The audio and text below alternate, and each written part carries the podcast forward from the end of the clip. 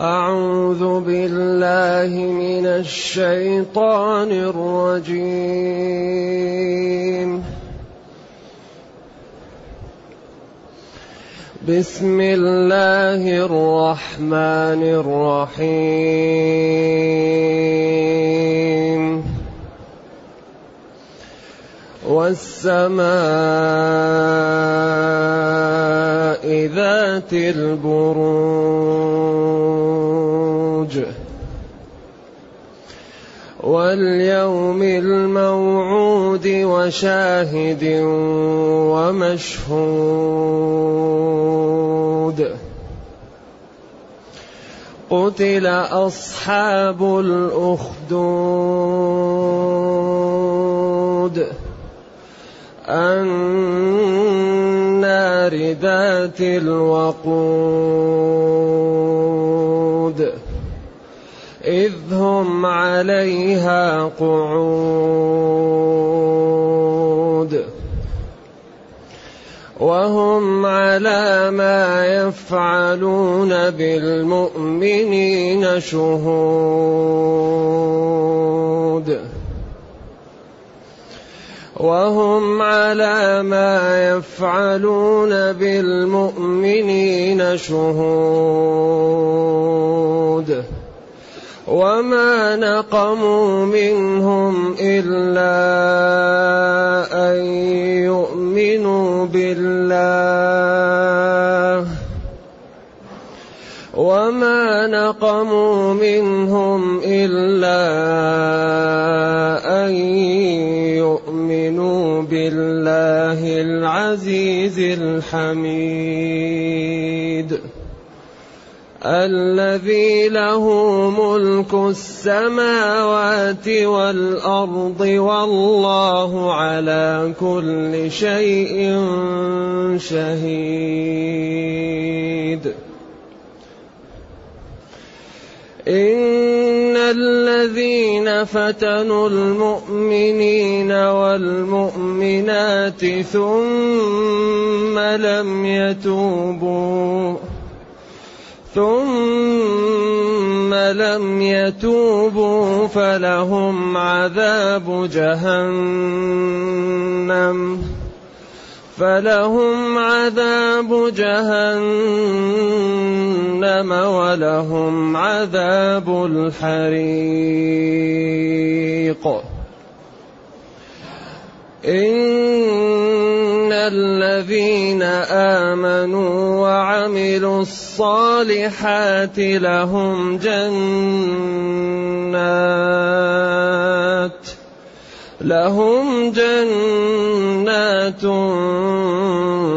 تجري من تحتها الأنهار لهم جنات تجري من تحتها الأنهار ذلك الفوز الكبير ان بطش ربك لشديد انه هو يبدئ ويعيد وهو الغفور الودود ذو العرش المجيد فعال لما يريد فعال لما يريد هل أتاك حديث الجنود فرعون وثمود بل الذين كفروا في تكذيب والله من ورائهم محيط والله من ورائهم محيط بل هو قرآن مجيد بل هو قرآن مجيد في لوح محفوظ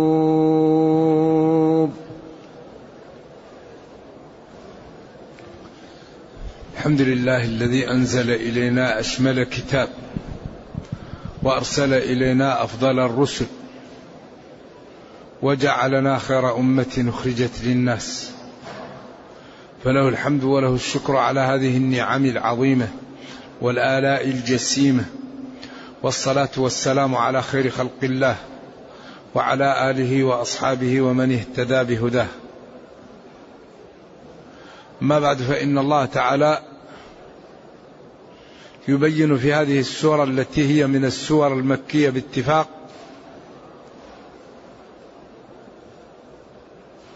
كيف تكون المآلات إذا والسماء ذات البروج يقسم بالسماء صاحبة المنازل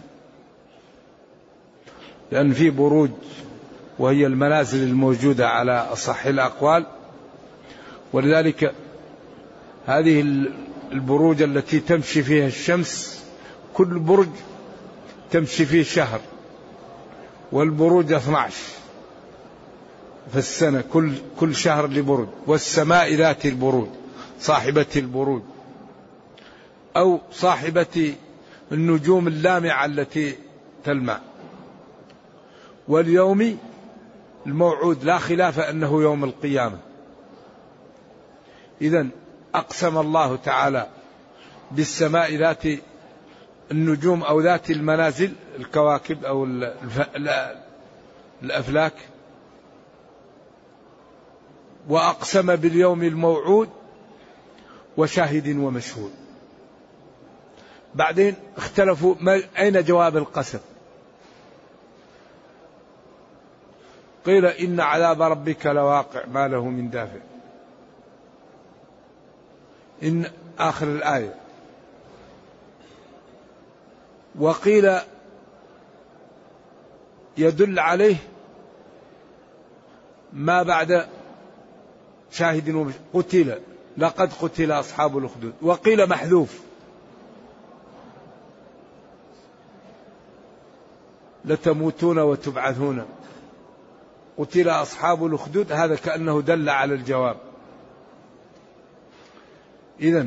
يقسم الله جل وعلا بالسماء ذات المنازل أو ذات الكواكب ويقسم بيوم القيامة الذي لا بد أن يأتيه الخلق وشاهد ومشهود شاهد ومشهود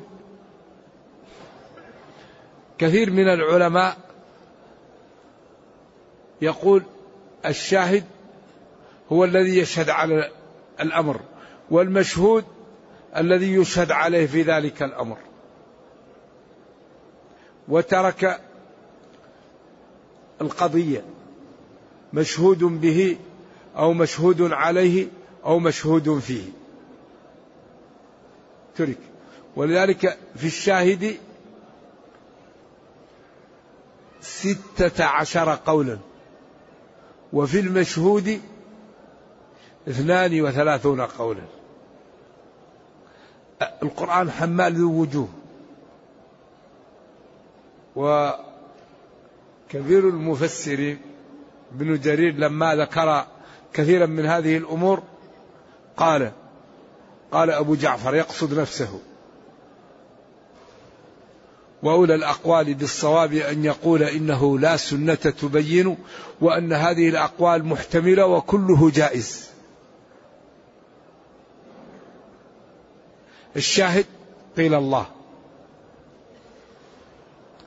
قيل محمد صلى الله عليه وسلم. قيل امه محمد صلى الله عليه وسلم. قيل عيسى. قيل الملائكه.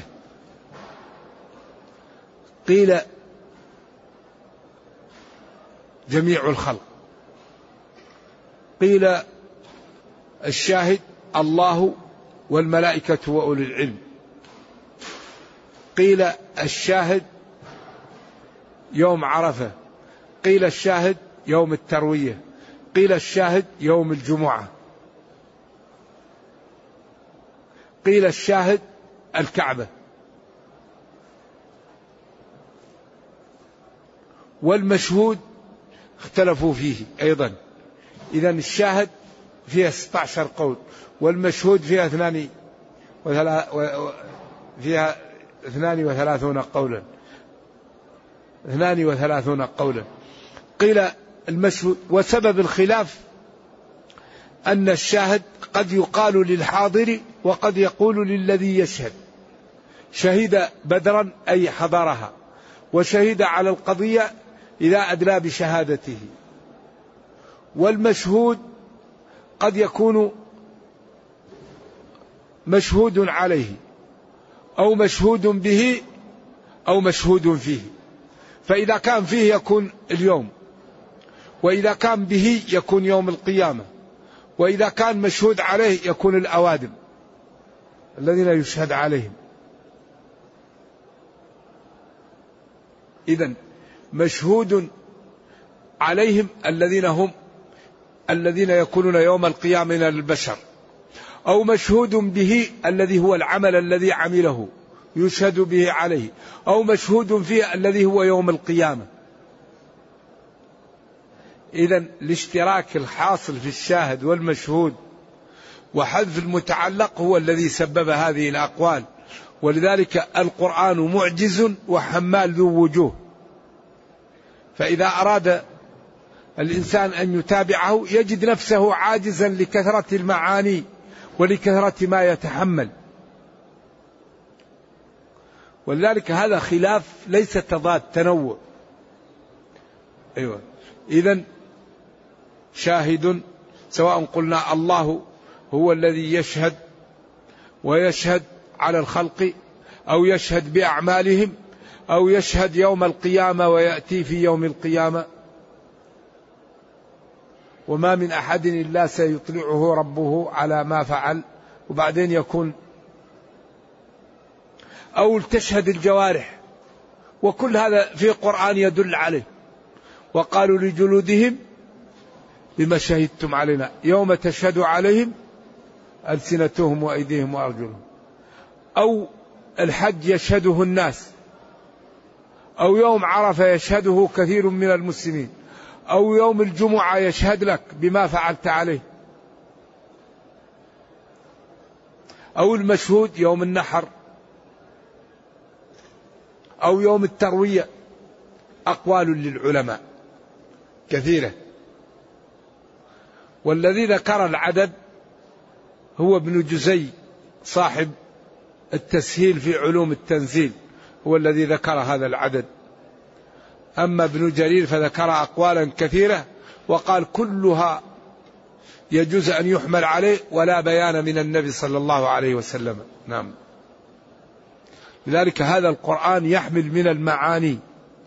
ومن الأمور ما الله به عليم نعم فحري أن يتأمل ويدرس ويعطى الوقت ليفهم نعم وشاهد وشاهد ومشهود الشاهد هو الذي يباشر أو يحضر والمشهود الشيء الذي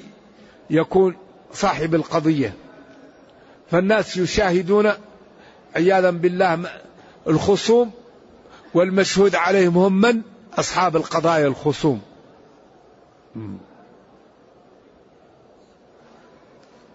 بعدين قال قتل أصحاب الأخدود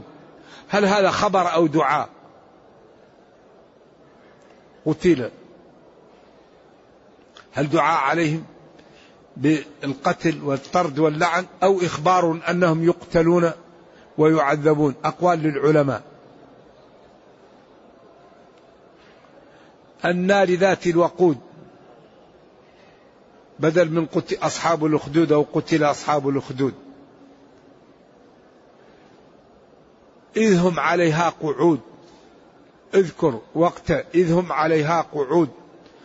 هنا اختلفوا في أصحاب الأخدود القول الراجح أنهم هم الذين حرقوا الذين آمنوا على اختلاف فيهم بعضهم قال هذا ملك كان في الحبشه وامن ناس فحرقهم وقيل هو رجل أعوذ بالله وقع في الفاحشة مع أخته وأراد أن يبيح للناس زواج الأخت فقبل بعض رعيته ذلك وامتنع البعض فحرق البعض الذي امتنع وقيل هو الرجل الذي كان في نجران وهو صاحب التامر عبد الله التامر الرجل الصالح الذي أراد أن يقتله وقال له لن تستطيع قتلي إلا إذا أخذت سهما من كنانتي وقلت بسم الله رب الغلام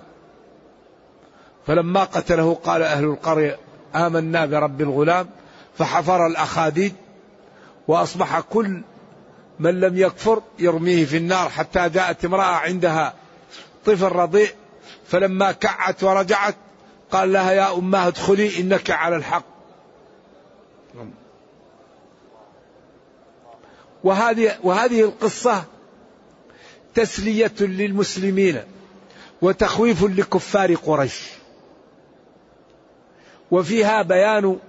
صدق النبي صلى الله عليه وسلم وأنه ينزل عليه الوحي وبالأخص من كان من أهل الكتاب لأن هذه الأمور لا يعلمها إلا من يقرأ ويكتب ويتعلم وهو لا يقرأ ولا يكتب ولم يخالط الكفار فمن أين له أن يعلم هذا إلا بالوحي إذا في تخويف لقريش وتهديد لهم وأنهم إن لم يتركوا الكفر فقد يقع لهم ما وقع لأولئك الذين حرقوا فلما حرقوا عياذا بالله أهلكوا وعذبوا نعم النار ذات الوقود إذ هم عليها قعود هنا قعود أي ينظرون لمن يريدون حرقه أو هم الذين أرادوا أن يحرقوهم أقعدوهم في النار وهذا مرجوح لكن محتمل وهم على ما يفعلون بالمؤمنين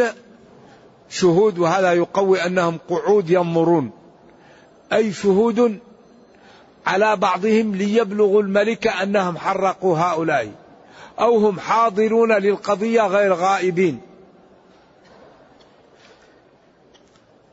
أو هم سيشهدون على أنفسهم بفعل ذلك يوم القيامة عندما تستنطق تستنطق جوارحهم فتشهد عليهم ثم بين علة ما فعلوا وأنهم لم ينقموا منهم هذا تأكيد المدح بما يشبه الذنب وما نقموا منهم إلا أن يؤمنوا طيب هل الإيمان يكون سبب في الأذية إلا أن يؤمنوا بالله العزيز الحميد إذا نقموا منهم وغضبوا عليهم وكان الإيقاع بهم سببه الإيمان لذلك تجد الآن بعض من يعادي الدين إذا رأوا الشاب يحضر صلاة الفجر والحمد لله هذا الآن أخف يعني يقول هذا شاب عنده قابلية للإرهاب يحضر صلاة الفجر يداوم على صلاة الفجر إذا كان بعض المسلمين يعني يخاف من من يصلي الفجر ويعادي دينه كيف الله ينصر من يعادي دينه الله يقول ولا ينصرن الله من ينصره إذا الذي لا ينصر الله لا ينصره ومن يعادي دين الله الله حتما سيخذله وسيعذبه إذا هؤلاء وما نقموا منهم إلا أن يؤمنوا نقموا منهم الإيمان يعني أذوهم لأجل الإيمان أن يؤمنوا بالله كما قال هناك أتقتلون رجلا أن يقول ربي الله وقد جاءكم بالبينات من ربكم فإن يكو كاذبا فعليه كذبه وإن يكو صادقا يصبكم بعض الذي يعيدكم لذلك هذا الدين دين الحقيقة فيه من الحكمة والقوة والبيان والجزالة والوضوح ما لا يمكن أن يقاوم فحري بنا أن نفهمه الحقيقة الآن بأي حق ما يكون المسلمين يستبطنون محبة دينهم لما لا كثير من المسلمين يستبطن عداء دينه وبعض الناس الذين عندهم انحراف في المعتقد وعقائد فاسدة يستبطنون محبة دينهم الفاسد وكثير من أهل السنة يستبطنون عداء دينهم لماذا هذا لماذا المسلم يستبطن عداء دينه هذا الدين رحمة هذا الدين حل لكل مشكلة هذا الدين ضمين الله لمن تمسك به أن يدخل الجنة لأنه هو العروة الوثقاء فمن تمسك بها لن تنقطع ما لا قال وضمين لمن أعرض عنه أنه يخذل ويحشر يوم القيامة أعمى قال فمن أعرض عن ذكري فإن له معيشة ضنكا حياته تكون ضيقة قلبه ضيق حزين غير سعيد غير المتقي لا يمكن ينال السعادة في الدنيا أبدا لا ينال السعادة إلا الأتقياء أما من تمسك بهذا الدين فهي العروة الوثقى لا انفصام لها ومن أعرض عن ذكري فإن له معيشة ضنكا ونحشره يوم القيامة أعمى قال ربي لم حشرتني أعمى وقد كنت بصيرا قال كذلك أتتك آياتنا فتركتها نسيتها وكذلك اليوم تنسى وكذلك نجري من أسرف ولم يؤمن بآيات ربي ولعذاب الآخرة أشد وأبقى فهذا الكتاب الحقيقة يضع النقاط على الحروف ويبين قال تعالى إنما المشركون نجس هل فيه كلمة أبلغ من هذا هل فيه كلام أوجز من هذا قال ومن يتولهم منكم فإنه منهم يا أيها الذين آمنوا لا تتخذوا اليهود والنصارى أولياء وقال ولن ترضى عنك اليهود ولا النصارى حتى تتبع ملتهم هذا كلام من؟ هذا كلام الله أنتم أعلم أم الله لكن لا يجوز أن نظلمهم لا نظلم ولا يجرمنكم شنآن قوم على أن لا تعدلوا اعدلوا لا يجوز الظلم لا تجوز السرقة لا تجوز الخيانة لا يجوز الاختلاس المسلم لا يسرق فكيف يسرق المسلم على الكافر حشف وسوء كيل لكن نحذر منهم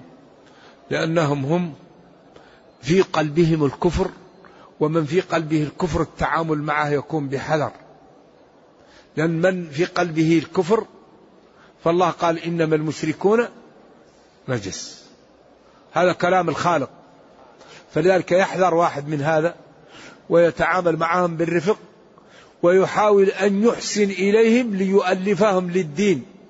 فإذا تعامل معهم بالرفق تكون النية أن يؤلفهم للدين ويحببهم إليه لأن الله جعل جزءا من مال المسلمين العام لتأليف غير المسلمين قال والمؤلفة قلوبهم فحري بالمسلمين أن يحسنوا إلى سكان الأرض ليحببوا إليهم هذا الدين وليجعلوهم يدخلون في دين الله فطالما استعبد الإنسان إحسان وأحسن إلى الأحرار تستعبد قلوبهم فخير تجارات الأحرار اكتسابها جبلت النفوس على حب من أحسن إليها فالمسلم يحسن إلى الناس جميعا يحسن الى الطيب لانه طيب ويحسن الى البطال لازاله البطاله عنه. فاذا كان المسلم المتقي يحسن الى الناس احبه الناس واطاعوه. لان الذي يحسن الى الناس يحبونه فاذا دعاهم الى الدين قبلوا منه واصبح قدوه عندهم فتركوا الباطل وقبلوا الصح وقبلوا الخير. فكان في اكرامه لهم أولا رفعة للإسلام وإنقاذ لهذه الشريحة التي كانت على الضلال ولذلك لم يخالط نبينا صلى الله عليه وسلم لم يخالط نبينا صلى الله عليه وسلم أحد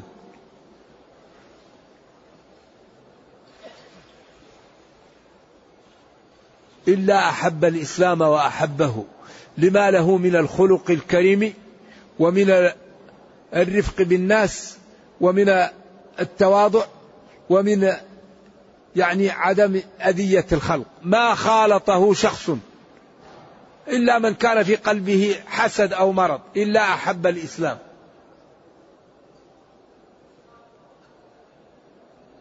وكانت قريش تجتمع ويقول هذا الرجل انتبهوا منه انه كل ما جاءه احد اخذ بلبه ينفر الناس ان يسمعوا منه وربنا يقول لقد كان لكم في رسول الله أسوة حسنة إذا وما نقموا من هؤلاء و يعني أخذوا عليهم وغضبوا عليهم منه إلا أنهم آمنوا يؤمنوا بالله يؤمنوا بالله العزيز إلا أن يؤمنوا بالله العزيز الحميد لاحظوا أنه لم يقل آمنوا قال يؤمنوا وذلك لأنهم لو رجعوا عن الكفر لقبل الكفار منهم ذلك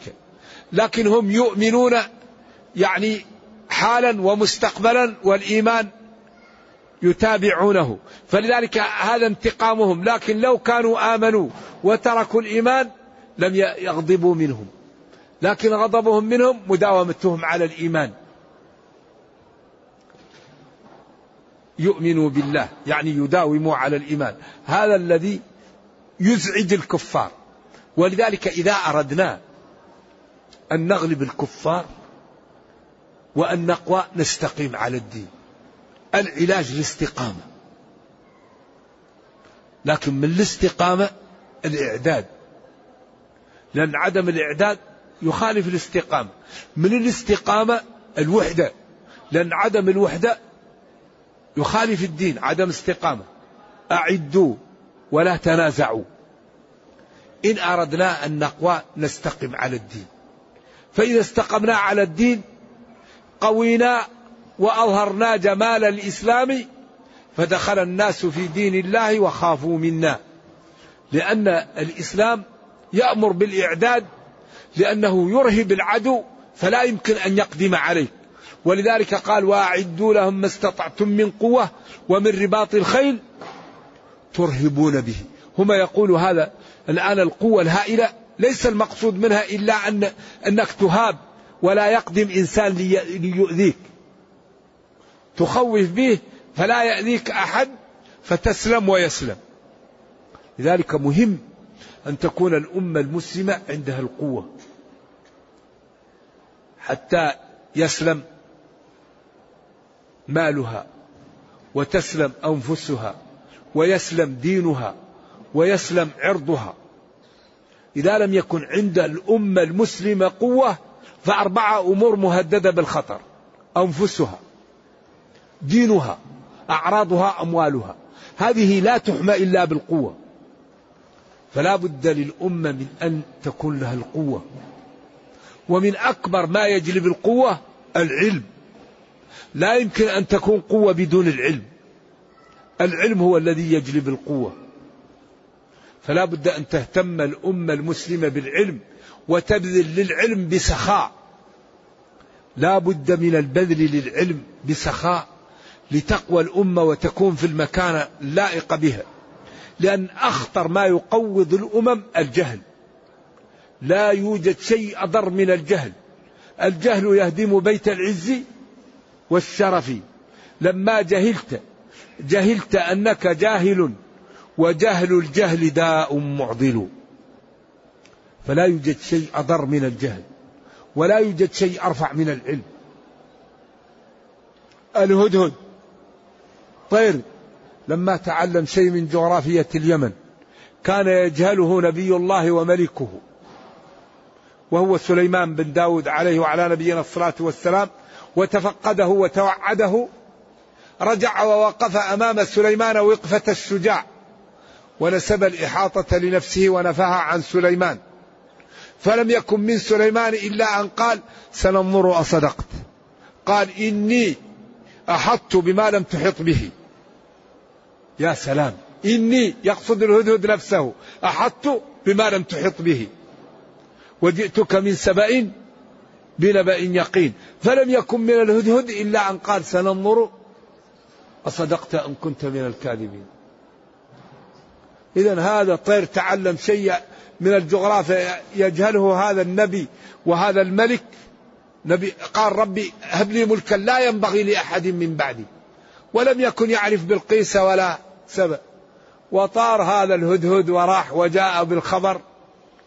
ووقف يعني لما قال لأعذبنه عذابا شديدا أو لأذبحنه أو لأتيني بسلطان مبين فمكث غير بعيد فقال إني أحطت بما لم تحط به وسحرة فرعون لما علموا أن العصا ليست من السحر أيقنوا بالإيمان السحر تعلم كفر لأن الله يقول وما يعلمان من أحد حتى يقولا إنما نحن فتنة فلا تكفر فلما ألقى موسى عصاه والتهمت الحبال والحيات وقال كبيرهم هل تبدل الحي... العصا قالوا لا قال هذا ليس سحرا فلذلك ألقي السحرة ساجدين ما قال فسجد السحرة الإيمان في قلوبهم أرغمهم على السجود ولما هددهم بالقتل والنكال قال في الشعراء لا ضير إنا إلى ربنا منقلبون وقال في طه لن نؤثرك على ما جاءنا لما قال لأقطعن أيديكم وأرجلكم من خلاف ولأصلبنكم في جذوع النخل ولتعلمن أينا أشد عذابا وأبقى قالوا لن نؤثرك على ما جاءنا من البينات والذي فطرنا فاقض ما أنت قاض إنما تقضي هذه الحياة الدنيا إنا آمنا بربنا ليغفر لنا خطايانا وما أكرهتنا عليه من السحر والله خير وأبقى إنه من يأتي ربه مجرم إلى آخره فأصبحوا دعاة أصبحوا قمة في لحظة إذا الحل أن, أن نتعلم حتى يقوى الإيمان وتسهل علينا البذل تسهل علينا التضحية لديننا ولأمتنا لأن الإنسان إذا تعلم علم فائدة التعب للإسلام والمسلمين فائدة البذل فائدة غض البصر فائدة كف اللسان فائدة إصلاح ذات البين فأصبح ينتج للإسلام والمسلمين أهم شيء نعتني به العلم لو تعلمت وأنت لا تريد الخوف إذا تعلمت غصبا عنك تخاف لا يمكن الإنسان يتعلم ولا يخاف إنما يخشى الله من عباده العلماء لذلك لا بد أن نبذل للعلم وتكون عندنا ثقافة احترام العلم وبذل للعلم حتى تقوى يقوى العلم فتقوى الأمة وترتفع وتكون في المكان اللائق بها كما قال ربنا خير أمة أخرجت للناس أما عدم الاهتمام بالعلم فهذا يقوض لأن الإنسان إذا جهل سهل عليه كل شيء الوضوء فاسد الصلاة فاسدة الصوم فاسد التعامل فاسد البيع فاسد الإنسان إذا جهل أصبح كل شيء خطأ فيضعف الإسلام يضعف الإيمان في القلب فتهون عليه المعاصي فيهلك ذلك أهم شيء يعمله المسلم أن يتعلم يبني حياته على ماذا على العلم يتكلم بعلم يقبل بعلم يرفض بعلم يسكت بعلم كل شيء يبنيه على العلم فتكون حياته لها نور ولها فائدة ولها نفع لدينه ولأمته ولنفسه إذا هؤلاء الكفار الذين نقموا من هؤلاء أنهم آمنوا لما لا يؤمنوا إذا نحن لا نقبل أن يؤمن أحد قال ويذهبا بطريقتكم المثلى ما هي مثلى هو كفر فأجمعوا كيدكم ثم أتوا صفا وقد أفلح من اليوم من استعلى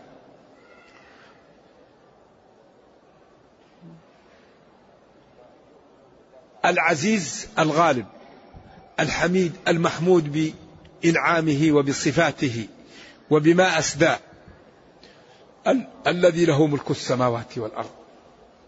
ملك السماوات والأرض وما فيهن لله تعالى إذا حري بأن يعاقب من كفر به وأن يكرم من آمن به والله على كل شيء شهيد شاهد على كل شيء لا يغيب عنه ثم بين هؤلاء الذين فتنوا المؤمنين والمؤمنات من كفار قريش ويأذوهم ويضعوا على بلال وسمية وعلى ضعاف المسلمين الحجارة ويأمرهم بترك دينهم أو يؤذوهم ثم لم يتوبوا عما فعلوا فلهم عذاب جهنم ولهم عذاب الحريق هل الحريق هذا أمر آخر في الدنيا أو نوع من العذاب آخر في النار يدخلون جهنم ويحرقون فيها أو يحرقون في الدنيا لأنه قيل إن هؤلاء الذين عملوا الأخدود جاءت ريح وقبضت أرواح المسلمين الذين كانوا في النار وخرجت النار من الأخدود وأهلكت كل من كان حولها من الكفار ولذلك من حفر حفرة وقع فيها أي إنسان يحاول أن يؤذي الناس الله يجعل ما آذى فيه الناس يؤذى فيه لذلك الإنسان ينال نيته فالذي نيته طيبة ينال الطيب والذي نيته للمسلمين بطالة ينال نيته فلذلك ينبغي للإنسان أن يصلح نيته للمسلمين ولخلق إنما الأعمال بالنيات فلهم عذاب جهنم ولهم عذاب الحريق بعدين هنا جاء بالشريحة الطيبة في هذا الخضم إن الذين آمنوا تشمل 11 جملة آمنوا بالله وملائكته وكتبه ورسله واليوم الآخر وبالقدر خيره وشره وشهدوا أن لا إله إلا الله وأن محمد رسول الله وأقاموا الصلاة وآتوا الزكاة وحجوا البيت إن استطاعوا وعملوا الفعالات الصالحات غضوا بصرهم عن الحرام سكوا أسماعهم عن الحرام مسكوا ألسنتهم عن الحرام قلوبهم عن التفكير في الحرام نظروا في المصحف سمعوا القرآن نصحوا أمروا بمعروف وبصدقة وإصلاح بين الناس عملوا الفعالات الصالحات هذا إعجاز القرآن هذا كل الدين في الكلمتين آمنوا وعملوا الصالحات كل الدين في الكلمتين فعلات الصالحات يدخل فيها إماطة الآلاء عن الطريق ويدخل فيها شهادة لا إله إلا الله والإسلام أعلاه شهادة لا إله إلا الله وأدناه إماطة الآلاء عن الطريق كم بين ذلك عملوا الفعالات الصالحات يدخل فيها كل شيء تبر بوالديه تكرم جيرانك تستر المسلمين تساعد الضعاف تصلح ذات البين تدفع من عرضك من مالك لإخوانك بعض الناس دائما الشيطان يجيه فلان لا يحترمك فلان لا يراك شيء قل, قل لعبادي يقول التي هي أحسن إن الشيطان ينزغ بينهم بعض الناس شغل الشاغل فلان قال وفلان قال وفلان حلا ما لك مال الناس أبكي على خطيئتك أنجو بنفسك ما لك مال الآخرين لم تكلف إلا بنفسك من عمل صالحا فلنفسه ومن أساء فعليها بعض الناس شغلهم الشغل فلان قال وعلان قال وراح يا أخي استغفر اقرأ سورة الإخلاص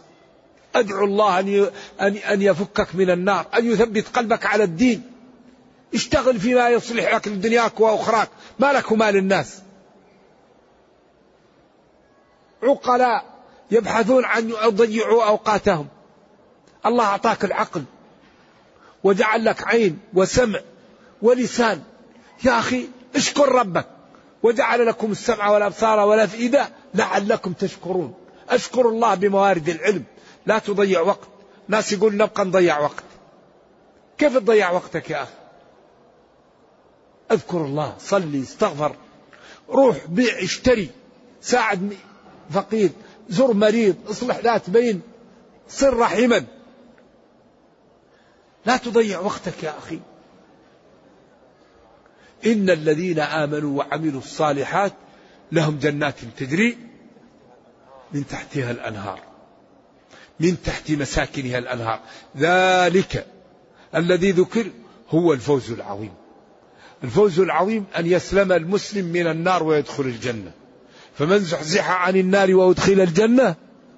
فقد فاز إن الذين آمنوا وعملوا الصالحات لهم جنات تجري من تحتها الأنهار ذلك الفوز الكبير ذلك الفوز فاز الكبير الذي لا مثله مثيل ثم هدد وخوف وأكد إن توكيد بطش الأخذ ربك إذا أراد أن يبطش بالمجرمين لشديد شديد قوي قوم صالح لما حذرهم وبكى وجاءت نقطة الصفر وقال لهم الكلام المحزن يا قوم هؤلاء بناتي هن أطهر لكم تعالوا أزوجكم إياهن وأزوجكم بنات الحي فاتقوا الله ولا تخزوني في ضيفي أليس منكم رجل رشيد قوم لوط قالوا لقد علمت ما لنا في بناتك من حق وإنك لتعلم ما نريد هنا يرحم الله لوط كان يأوي إلى ركن شديد قال لو أن لي بكم قوة أو آوي إلى ركن شديد قال له جبريل يا لوط إنا رسل ربك لن يصلوا إليك وأخذ جناحه ومسح وجوههم فبقى الوجه مثل الكف لا محل العين ولا الأنف ولا الفم بقي الوجه كتلة زي الكف وأخذ جناحه ووضعه تحت القرى ورفعها إلى السماء وقلبها قوم صالح قال لهم ولا تمسها بسوء فيأخذكم عذاب العظيم هذه ناقة الله لكم آية فذروها تأكل في أرض الله اتركوها قالوا خرج لنا الناقة فدعا الله فخرجت الناقة فانبعث أشقاها وعقرها فقال تمتعوا في داركم بعدين عياذا بالله كأنهم أعجاز نخل منقعر إذا إن بطش ربك لشديد فرعون موسى أمنا خير من هذا الذي هو مهين بعدين موسى دخل البحر قال ضرب البحر وأصبح البحر 12 طريق وبعدين فكان كل فرق كالطود العظيم كيف الماء يسكن قوة لا يمكن أن يدركها العقل من هذه صفاته هل يعصى هل تخالف أوامره هل تعطل هل تخالف آه، تنتهك نواهيه تعطل أوامره وبعدين خلى فرعون لما دخل انفجرت منه يعني انفلق ولما خافوا جعل لهم بينهم قوات قوة نافذة في البحر يشوفوا بعض دخل فرعون حتى كان فرعون آخر جندي دخل وأول جندي لم يطلع انطبق عليهم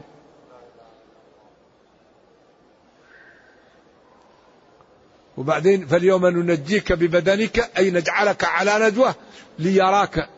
أعداءك هؤلاء الذين كنت تقتلهم لتكون لمن خلفك آية وإن كثيرا من الناس عن آياتنا لغافلون إن بطش ربك لشديد قريش يوم بدر ماذا فعل بها استدرجهم نجى العير قالوا حتى نأتي لبدر ونذبح ونشرب وتغني القيان ويسمع العرب أننا أقوى قوة